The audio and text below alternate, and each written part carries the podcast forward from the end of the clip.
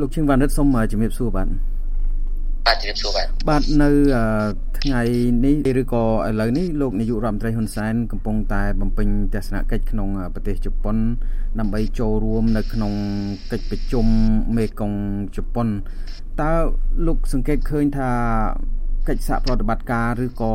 លទ្ធផលនៃជំនួបកម្ពុជាឬក៏កិច្ចប្រជុំកម្ពុជាមេគង្គជប៉ុននឹងមានសារៈសំខាន់យ៉ាងណាទៅសម្រាប់កម្ពុជាឬក៏តំបន់មេគង្គទាំងមូលនេះគឺជារបបថ្មីមួយហើយមានសារៈសំខាន់នៅក្នុងតំបន់ទន្លេមេគង្គជានេះពីព្រោះថាតំបន់មេគង្គคล้ายជាតំបន់សេដ្ឋកិច្ចមួយដែលមានការរីកចម្រើនគួរឲ្យកត់សម្គាល់ហើយក៏ជាតំបន់នៃការប្រកួតប្រជែងយុទ្ធសាស្ត្ររ វាងប្រទេសមហាអំណាចជាពិសេសរវាងប្រទេសចិនហើយនិងជប៉ុនហ្នឹងចឹងទេកិច្ចប្រជុំមេគង្គជប៉ុនឆ្នាំនេះគឺកំណត់ទិសដៅពីការអភិវឌ្ឍសេដ្ឋកិច្ចការតភ្ជាប់ក៏ដូចជាសារៈសំខាន់យុទ្ធសាស្ត្រនៅក្នុងតំបន់ដើម្បីផ្សារភ្ជាប់តំបន់មេគង្គទៅក្នុងហៅថា Free and Open Indo-Pacific គឺតំបន់ Asia Pacific ដែលមានការបើកចំហនិងសេរីនេះគឺជាទស្សនៈទានថ្មីមួយរបស់ប្រទេសជប៉ុន ដើម្បីជំរុញនៅទូនាទីរបស់ខ្លួននៅក្នុងតំបន់ដើម្បីធ្វើយ៉ាងណាឲ្យតំបន់ហ្នឹងមានហៅថា international system មួយដែលប្រព័ន្ធគ្រប់គ្រងអន្តរជាតិមួយដែលគោរពនៅច្បាប់អន្តរជាតិពីព្រោះថាច្បាប់អន្តរជាតិហ្នឹងគឺមានសារៈសំខាន់ណាស់ដើម្បីធានាឲ្យមានស្ថិរភាពរយៈសុខនៅក្នុងតំបន់ហើយជំរុញឲ្យមានការធ្វើពាណិជ្ជកម្មមួយប្រកបដោយសេរីពីព្រោះថាបច្ចុប្បន្ននេះយើងឃើញថាប្រព័ន្ធពាណិជ្ជកម្មពហុភាគី ត្រូវបានគម្រាមកំហែងដោយសារតែគោលនយោបាយរបស់លោកដូណាល់ត្រាំហើយយើងឃើញថាសង្គ្រាមពាណិជ្ជកម្មហ្នឹងគឺជាការគម្រាមកំហែងមួយដល់សន្តិសុខក៏ដូចជាសេដ្ឋកិច្ចនៅក្នុងតំបន់ហ្នឹងដែរអញ្ចឹងទេអានេះគឺជាការគ្រប់ព្រួយបារម្ភរួមមួយហើយជប៉ុននិងបណ្ដាប្រទេសមេគង្គហ្នឹងជំរុញឲ្យមានគេថាប្រព័ន្ធ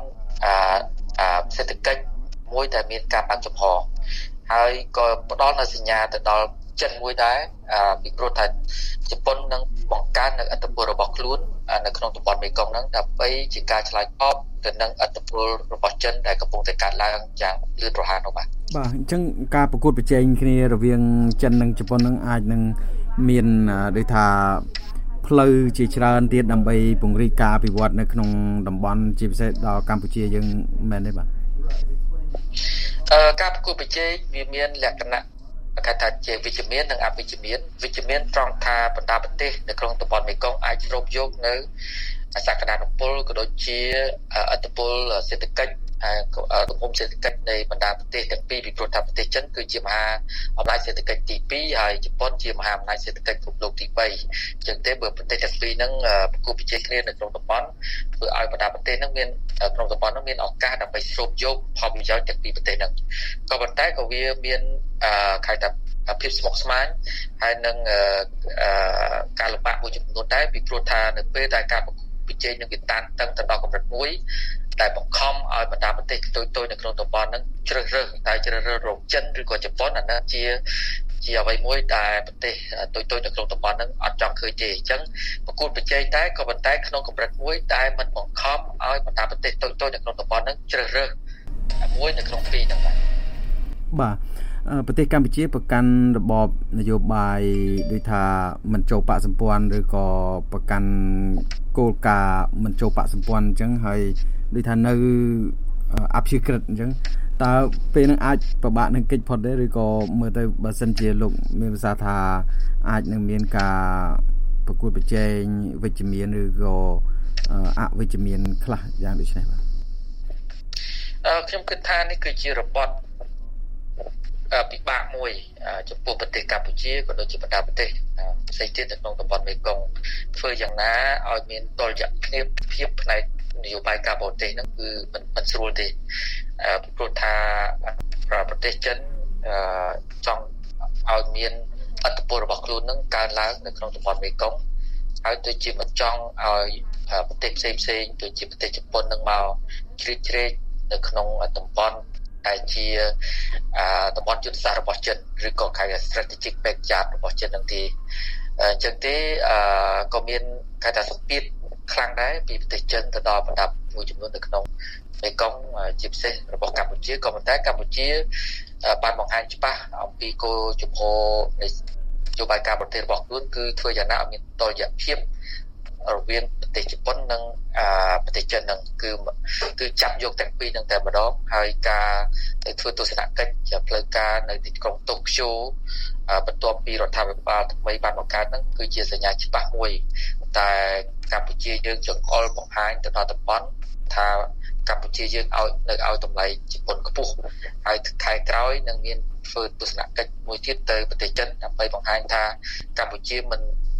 នៅតែបន្តទំនាក់ទំនងល្អជាមួយចិនអញ្ចឹងទេចាប់យកទាំងជប៉ុនចាប់យកទាំងចិនបាទបាទ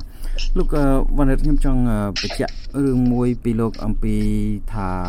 កម្ពុជាយើងជាតំបន់យុទ្ធសាស្ត្រឬក៏វានៅកណ្ដាលគេដែរអញ្ចឹងបើសិនជាដូចថាកិច្ចប្រជុំនេះកើតឡើងអញ្ចឹងទៅហើយតើអាចនឹងពង្រីកដូចថា ឲ្យដល់លំដាប់កម្រិតថាជាដៃគូជាយុទ្ធសាស្ត្រគ្រប់ជ្រុងជ្រោយបានទេមកដល់ពេលនេះបាទអឺកម្ពុជាយើងមានដៃគូយុទ្ធសាស្ត្រសំខាន់ពីរឆ្នាំ2010កម្ពុជាជាមួយចិនបានចុះហត្ថលេខាទៅលើកិច្ចព្រមព្រៀងអឺដៃគូយុទ្ធសាស្ត្រគ្រប់ជ្រុងជ្រោយហើយឆ្នាំ3ឆ្នាំកន្លង 3ឆ្នាំបន្ទាប់មកឆ្នាំ2013គឺចុះហត្ថលេខាជាមួយជប៉ុនអញ្ចឹងកម្ពុជាយើងមានតែដៃគូយុទ្ធសាស្ត្រហ្នឹងសំខាន់ពីរនឹងទីអញ្ចឹងទេបានជាកម្ពុជាយើងចង់បានទាំងពីរហ្នឹងនៅក្នុងនយោបាយការបរទេសរបស់ខ្លួនហើយចំពោះជប៉ុនហើយនិងមេកុងគឺឆ្នាំហ្នឹងគឺកំតម្លើងពីកម្រិតនៃតំណែងធម្មតាទៅជាតំណែងយុទ្ធសាស្ត្រហើយអញ្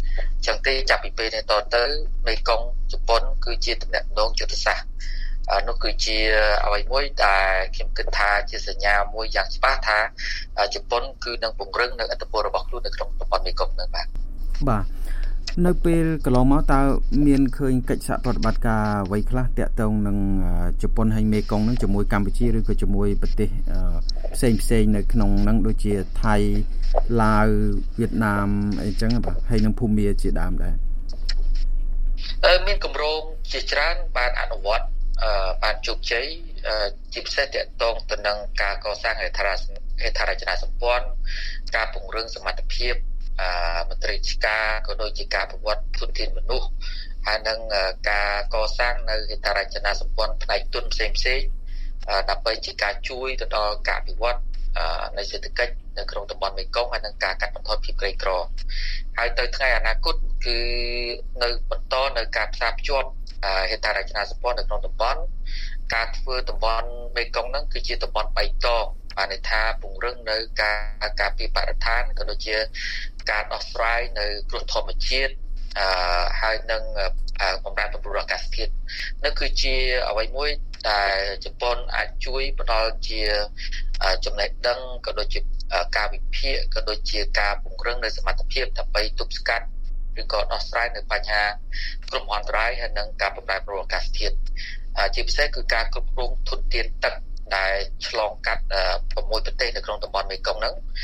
ពីព្រោះថាការកសាងនៅទំនប់វារីអគ្គិសនីនៅតាមដងទន្លេមេនៃទន្លេមេគង្គហ្នឹងបាន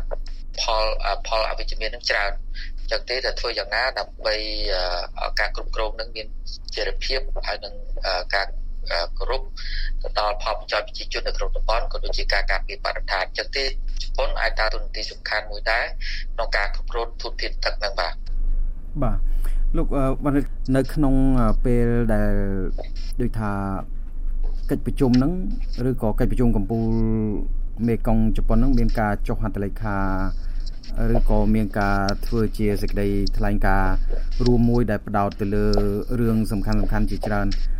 នៅក្នុងនោះក៏មានរៀបរាប់បញ្ហាកូរ៉េឬក៏បញ្ហាសមុទ្រចិនខាងត្បូងឬក៏បញ្ហាកិច្ចសហប្រតិបត្តិការជាយុទ្ធសាស្ត្រ ផ្សេងផ្សេងឬក៏តាក់ទងនឹងបរិស្ថានឬក៏បញ្ហាផ្សេងផ្សេងទៀតតើអ្វីដែលលោកចាប់អារម្មណ៍ជាងគេនៅក្នុងដូចថាអ្វីដែលបានចុះហត្ថលេខាព្រមព្រៀងជាមួយគ្នានៅចុងក្រោយនោះអ្វីដែលថ្មីថាថ្មីខុសប្លែកពីពីមុននោះ ពីពីមុនក៏មានការសង្កត់ធ្ងន់ទៅលើការកសាងនៅថារចនាសម្ព័ន្ធនិងការតភ្ជាប់ហេដ្ឋារចនាសម្ព័ន្ធរឹងនិងទុនក៏ប៉ុន្តែយើងឃើញថាពីពេលនេះដល់3ឆ្នាំក្រោយពីព្រោះថា Tokyo Strategy ហ្នឹង2020 2018យើងហ្នឹងអឺនឹងសង្កត់ធ្ងន់ទៅលើបញ្ហាថ្មីពីរអឺគឺ people centered society សង្គមមួយដែលផ្ដោតទៅលើប្រជាជន បានន័យថាការអភិវឌ្ឍទាំងឡាយត្រូវបម្រើផលប្រយោជន៍ប្រជាជន ហើយនឹងធានាឲ្យមានការអភិវឌ្ឍនឹងពីការចូលរួមពីប្រជាជនពីព្រោះថាការអភិវឌ្ឍនៅក្នុងតំបន់ហ្នឹងកន្លងមកគឺគម្លាតរវាងអ្នកមាននិងអ្នកក្រនៅតែមានមានកម្រិតខ្ពស់រវាងទីក្រុងនិងជនបទនៅមានកម្រិតខ្ពស់អញ្ចឹងទេអានេះគឺជាបញ្ហាមួយដែលត្រូវដោះស្រាយអញ្ចឹងទេការអភិវឌ្ឍមួយតែ